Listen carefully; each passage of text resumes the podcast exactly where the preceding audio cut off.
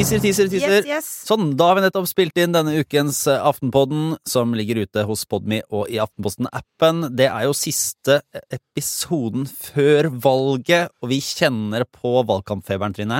Ja, men samtidig så har jeg et behov for å forsvare de eh, andregangsvelgerne som lar være å stemme.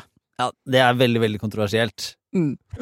Kjetil har jo vært på lekkasjefest med finansministeren og kost seg på ekte. I hele landet som vi er så glad i. Ja.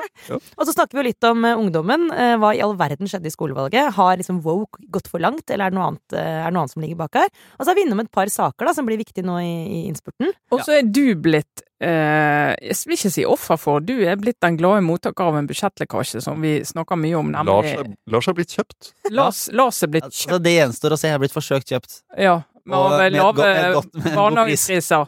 Er- Det, må vi- det må vi snakke ordentlig om, og det gjør vi. Og så kommer vi med eh, en eh, partilederdebatt-bingo. Som, eh, som kan gjøre kvelden enda litt eh, morsommere enn det man eh, måtte kunne forvente når partiledere møtes til den siste debatten på NRK fredag kveld. Så eh, gå til eh, Podme eller Aftenposten-appen for å høre denne siste episoden av Aftenposten før valget. Løp og lytt! Ok, det finnes spørsmål som det ikke er så enkelt å google, typ Ukraina-krigen. Hva er det som gjør at soldater springer tilsynelatende frivillig inn i døden? Jeg tror ikke jeg kan sammenligne det med noen ting som har skjedd i livet mitt før. Og hvorfor sier folk som jobber med kunstig intelligens at maskiner begynner å bli bevisst?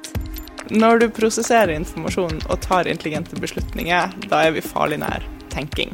Og hvorfor har vi i det hele tatt et strømmarked når det gir oss dyr strøm? Sjansen for at dette kunne gå galt, var jo veldig stor.